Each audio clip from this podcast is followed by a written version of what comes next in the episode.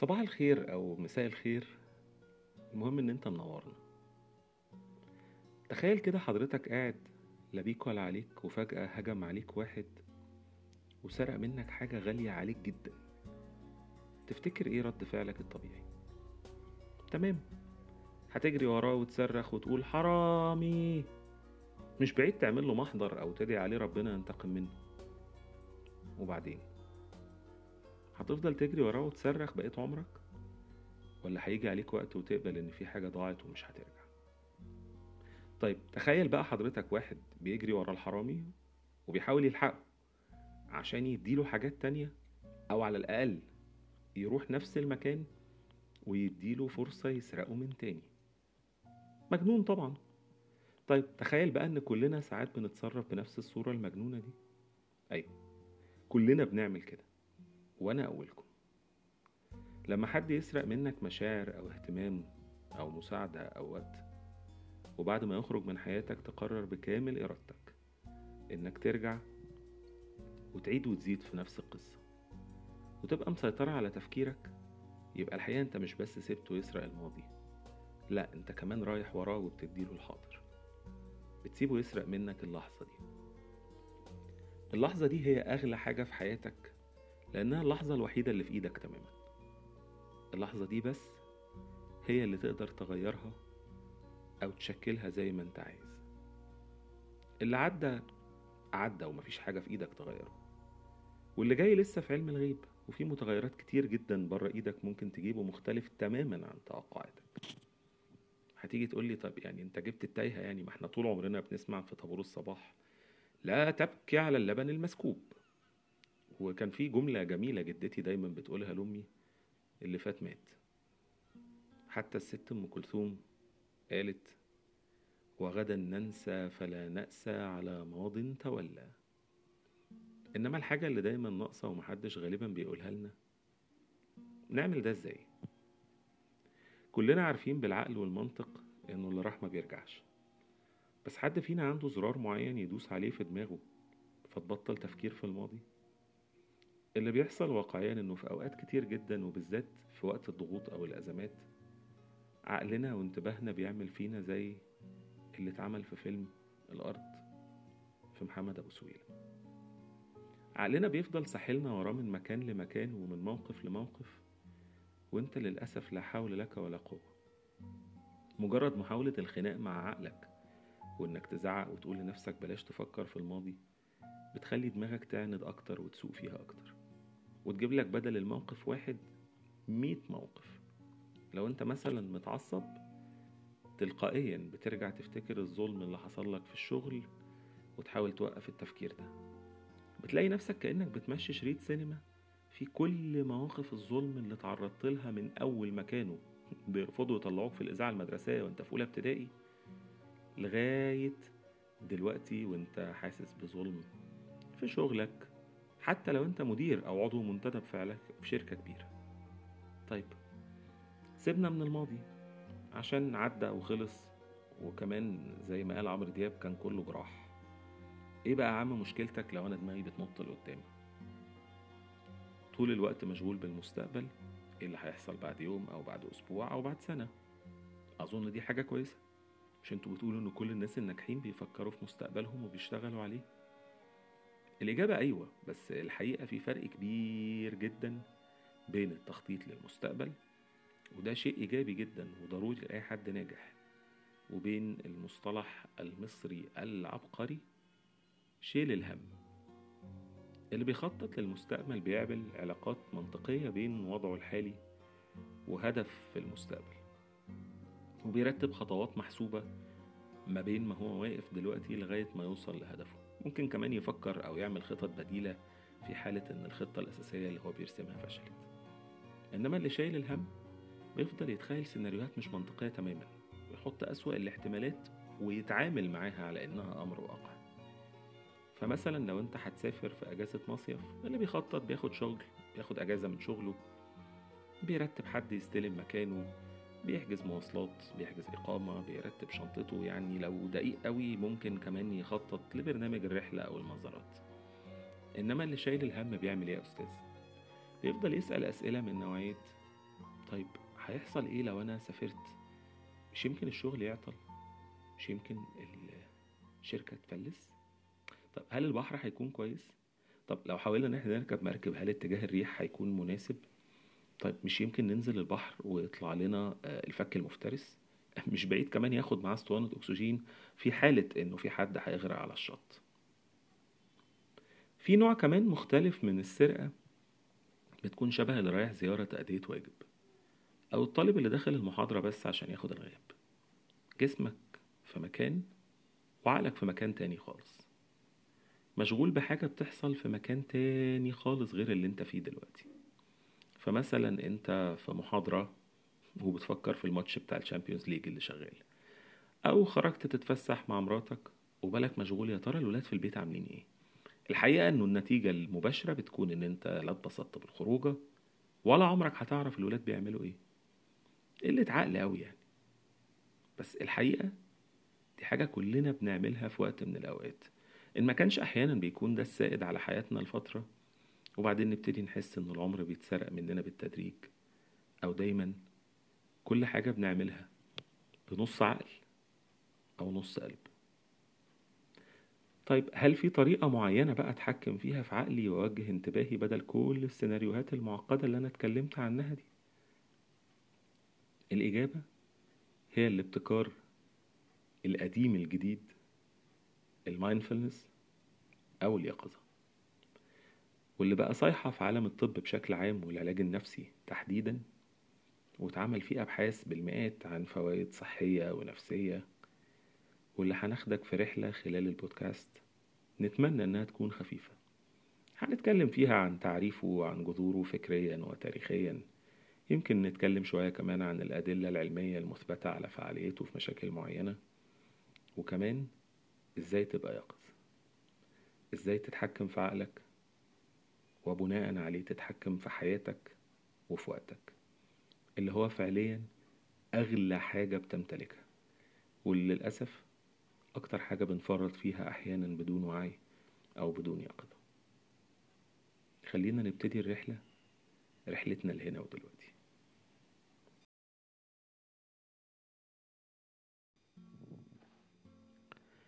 اسكندرية سياتل. ده هيكون عنوان أول حلقة من بودكاست إسكندرية سياتل. كتب وبرامج ومقالات كتير جدا بتكلمك عن إزاي تغير حياتك. عمرك فكرت إن حياتك زي ما هي ممكن تكون في أحسن صورة ليها؟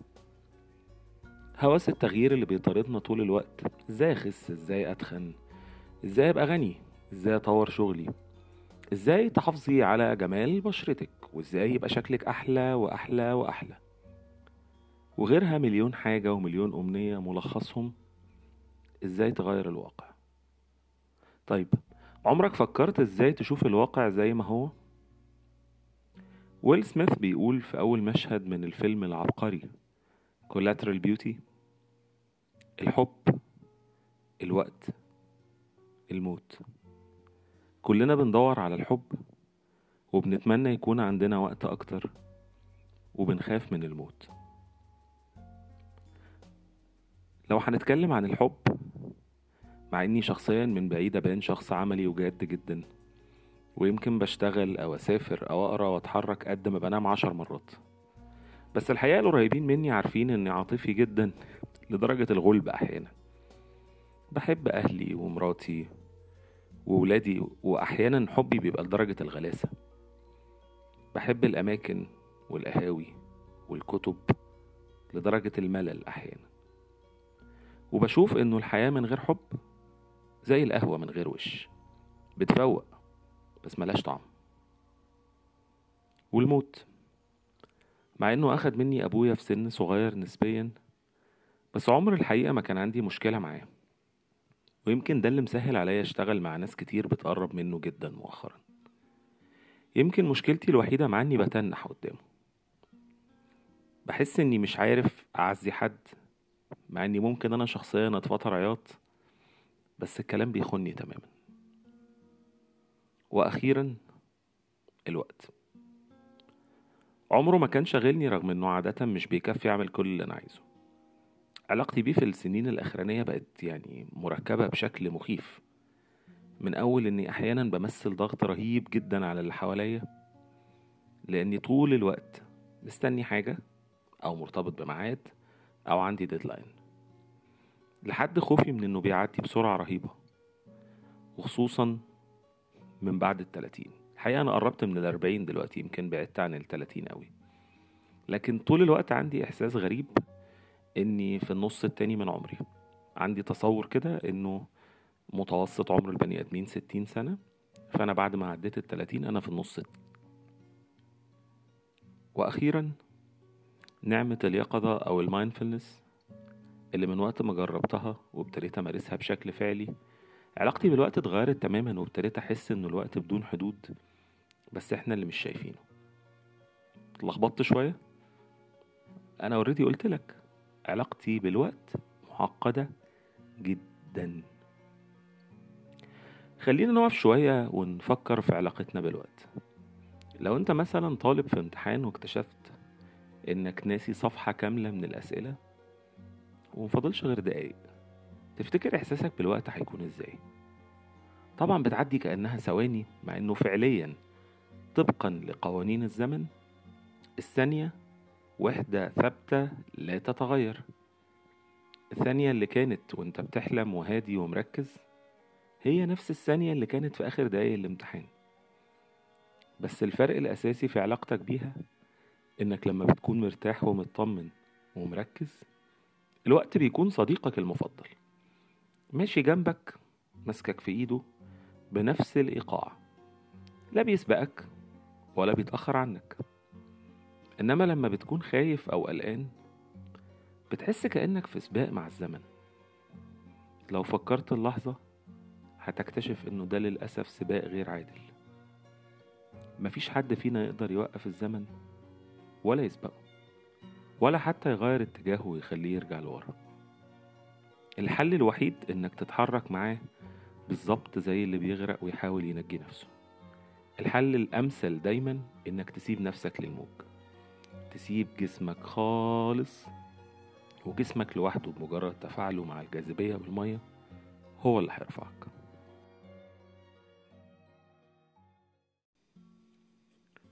في ناس كتير هتقول إنه ده كلام سهل جدا. بس الحقيقة تنفيذه أصعب ما يكون. تخيل نفسك بتغرق كده وحد بيقولك استرخي. سيب نفسك. بطل تقاوم. أكيد هيكون تحدي رهيب. بس الحقيقة إن هو ده مخرجك الوحيد. العائق الأساسي لإن إحنا نسيب نفسنا في علاقتنا بالوقت هو الخوف. الخوف من المجهول. الخوف من الاستسلام. والخوف من التسليم. التسليم لأنك مهما فكرت إنك عندك قدرات برضه هتفضل نقطة في بحر. جزء بسيط جدا من الكون بيتفاعل معاه ويأثر فيه أحيانا ويتأثر بيه أحيانا أخرى. مخلوق من مخلوقات ربنا زيك زي باقي البشر والحيوانات والنباتات وحتى الطبيعة الجامدة زي الجبال والبحار والصخور وحتى الهواء اللي بنتنفسه. في ناس كتير بتسأل إيه هو الغرض من الخوف؟ ليه ما نقدرش نعيش حياة ما فيهاش قلق ولا خوف؟ ليه ما يبقاش في زرار لو دوسنا عليه نبطل نخاف من أي حاجة أو على أي حد؟ تطوريا الخوف مرتبط بغريزة البقاء. لو الإنسان البدائي الأول ما خافش من الحيوانات المفترسة وجرى منها أو حاول يصطادها كان هيتاكل والحياة على الأرض كانت هتنتهي أو على الأقل العنصر البشري فيها هينقرض. بشكل أبسط لو ما خفتش على الحاجات اللي بتهمك مش هتبذل أي مجهود لحمايتها. بس عمرك فكرت إن كل حاجة في إيدك هيجيلها وقت وتنتهي؟ خد معايا دقيقة وفكر بهدوء. هتلاقي إنه حقيقة إن كل شيء إلى زوال حقيقة كونية ثابتة بدون أي استثناءات وإن الاستثناء الوحيد من القرآن هو في قوله تعالى بسم الله الرحمن الرحيم. ويبقى وجه ربك ذو الجلال والإكرام. صدق الله العظيم. الخوف كمان من أقدم المشاعر تطوريا بحيث إنه الجزء المسؤول عنه في مخنا هو الجزء الأقدم تطوريا. والأكثر قوة والأكثر سيطرة للأسف. لما الخوف بيسيطر عليك تقريبا معظم وظائف مخك العليا بتتشل أو على الأقل بتشتغل بكفاءة أقل بكتير. وبناء عليه أخونا اللي فوق اللي كنا بنتكلم عنه من شوية في الامتحان كل ما خاف أكتر للأسف كل قدرته على إنه يحاول أو يسترجع معلومات أو حتى يخمن تخمين منطقي هتكون أقل بكتير. طيب والحل؟ بطل تخاف. اجمد كده يا عم وخليك راجل. جمل تقريبا كلنا سمعناها وإحنا صغيرين وحتى وإحنا كبار. ودايما بنعطل ونسأل إزاي. وغالبا مفيش إجابات واضحة. أو الاجابات اللي هي بتبقى بتاعت أستاذ غسان مطر زي ما كان بيقول له كده اعمل الصح. فالناس بتقول لك بطل تخاف ومحدش بيقول لك الطريقة. في مثل أسباني قديم بيقول حياة بتعيشها في خوف هي نص حياة. الحقيقة المثل ده معبر جدا عشان فعليا الخوف بيعمي عينينا عن حاجات كتير. الخوف بيمنعنا نجرب بيمنعنا نغامر بيمنعنا حتى نفكر بشكل منطقي. أحيانا بيخلينا ما نحاولش نتمسك بحاجات عشان قال إيه كده كده هنفقدها. جيلي من محبي مجلة ميكي هيفتكروا عم دهب اللي كان من كتر خوفه على فلوسه وعلى قرش الحظ بقاله خمسين سنة قاعد في المجلة جوه خزنة كبيرة جدا. وطول الوقت مهووس بحمايتها. وفي الآخر برضه كل مرة بيتسرق. حد فكر لو عم دهب قرر يستمتع بحياته وفلوسه ويعيش اللحظة ويقرب من اللي حواليه كان هيبقى سعيد قد إيه؟ أكيد القصص كانت هتتغير. بس الحقيقة كان هيبقى هو اللي بيكتب القصة بنفسه. مش مستني حد طول الوقت يحدد له مصيره. نفس الشيء بيحصل معانا طول الوقت. تخيل إنه حياتك فيلم طويل فيلم انت فيه البطل والمؤلف والمخرج كمان. ينفع يا فندم بطل الفيلم يفضل نص الفيلم مغمض عينيه؟ أكيد هيبقى شيء مضحك والحقيقة مؤلم في نفس الوقت. مضحك عشان أكيد هيتصرف تصرفات مش منطقية تماما ويقع ويتخبط ومؤلم عشان الحقيقة هيفوتوا كتير في شريط حياته. والحقيقة المؤكدة إن حياة كل واحد فينا بتتعاش مرة واحدة بس. مفيش إعداد مفيش مونتاج. محدش فينا عنده مقدرة إنه يشيل لحظات مؤلمة من حياته ويقول ما حصلتش ولا يعدل توقيتها في الشريط ولا حتى يجريها بسرعة لو كان شايف إنه مش محتاج يقضي فيها الوقت اللي قضاه. على فكرة نفس الشيء بينطبق على اللحظات الممتعة. لا نقدر نخليها أطول من المكتوب لها ولا نعيدها من التاني. في حد هيقول لي هجرب أروح نفس المكان أقابل نفس الناس بس استحالة ما بتبقى بنفس التفاصيل أو نفس الطعم أو نفس الخبرة. وده ببساطة لأن كل لحظة في عمرنا فريدة من نوعها. كل لحظة ليها طبيعة خاصة. الشاطر هو بس اللي يفتح عينيه ويشوف. وبما إننا جبنا سيرة الشوفان عايزين نبتدي نحط إيدينا على أول الخيط وأول خطوة في رحلة اليقظة. رحلة هنا ودلوقتي.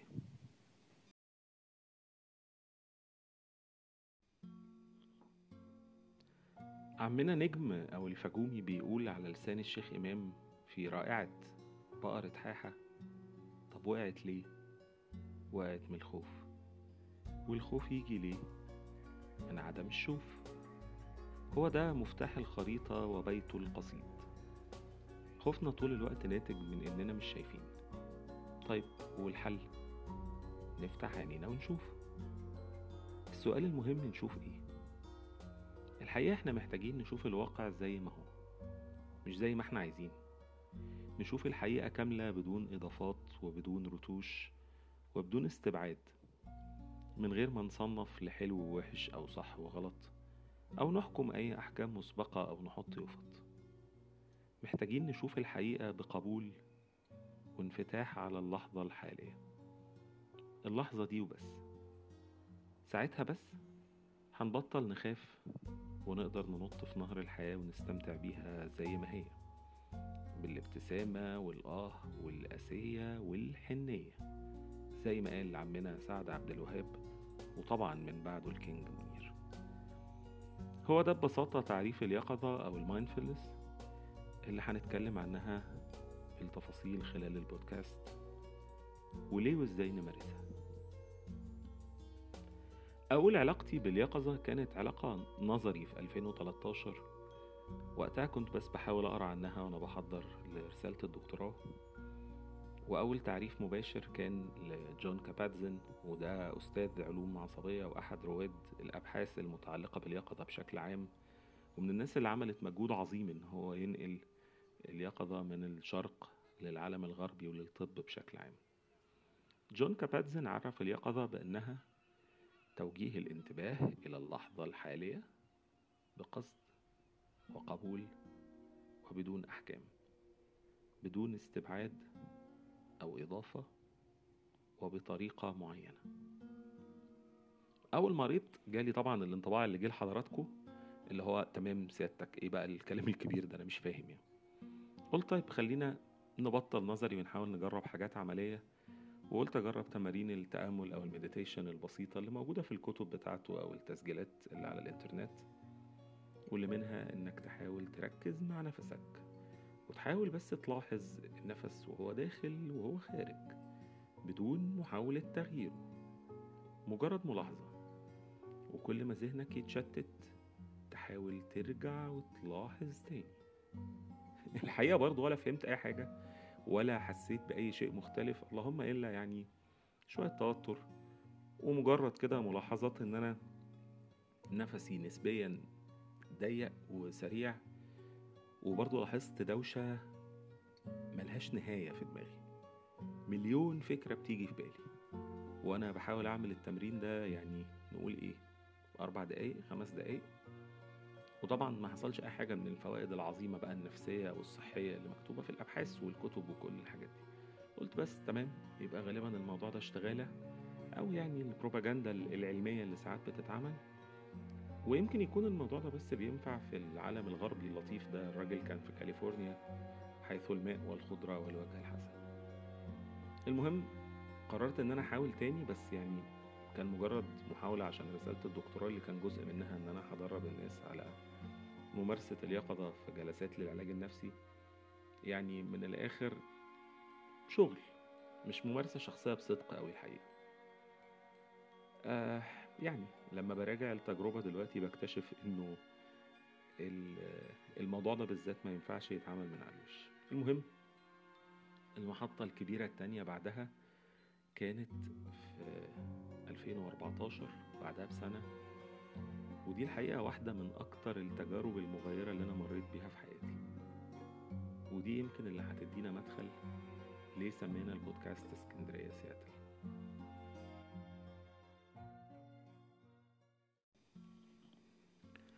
وقتها كنت في بعثة قصيرة لمدة ثلاث شهور في جامعة واشنطن. في معمل مارشا لينهان أستاذ السايكولوجي ومبتكرة العلاج الجدلي السلوكي وده واحد من أوائل المدارس العلاجية اللي دمجت اليقظة في العلاج النفسي في بداية الثمانينات. وعمل نتائج قوية جدا في علاج اضطرابات الشخصية ومشاكل تنظيم المشاعر. ودي منطقة صعبة جدا من مناطق العلاج النفسي ويكاد يكون محدش حقق فيها نتائج مهمة كتير. الزيارة كانت ثلاث شهور واتعرض عليا إنه في أول شهر. أشارك فيما يسمى ب mindfulness retreat أو اللي لما حاولنا نترجمه بالعربي لقيت إنه أقرب ترجمة ليه ملاذ اليقظة. إيه يا عم ملاذ اليقظة ده؟ قالك أربع أيام من الصمت التام وممارسة التأمل أو اليقظة بشكل ممتد في كل أوقات اليوم متضمنة حتى الأكل أو التعاملات اليومية. طبعا الفكرة تخض وعشان أأكد لكم قد إيه هي تخض خلونا كده وإحنا قرب نهاية الحلقة الأولى النهاردة. نجرب نلعب لعبة بسيطة وابعتولي تعليقاتكم عليها سواء في ال messages أو ال voice notes على Anchor أو حتى التعليقات في الأماكن اللي هننشر فيها البودكاست. إنه إيه اللي هنلاحظه لو جربنا؟ خمس دقايق بس من الصمت التام. في نص اليوم. مش أول ما بتقوم وتفتح عينك. بس جرب خمس دقايق في نص اليوم إنك مش هتتكلم تماما. هتلاحظ إيه؟ في مركز أبحاث الغابات في سياتل في 2014 جربت ده لمدة أربع أيام وزي ما قلت لكم كانت من أكتر التجارب المغيرة في حياتي. إيه اللي حصل في الأربع أيام في سياتل؟ وأظن كده ابتديتوا تفهموا. ليه سمينا البودكاست اسكندرية سياتل. ده اللي هنتكلم عنه الحلقة اللي جاية من اسكندرية سياتل في علاقتنا بهنا ودلوقتي.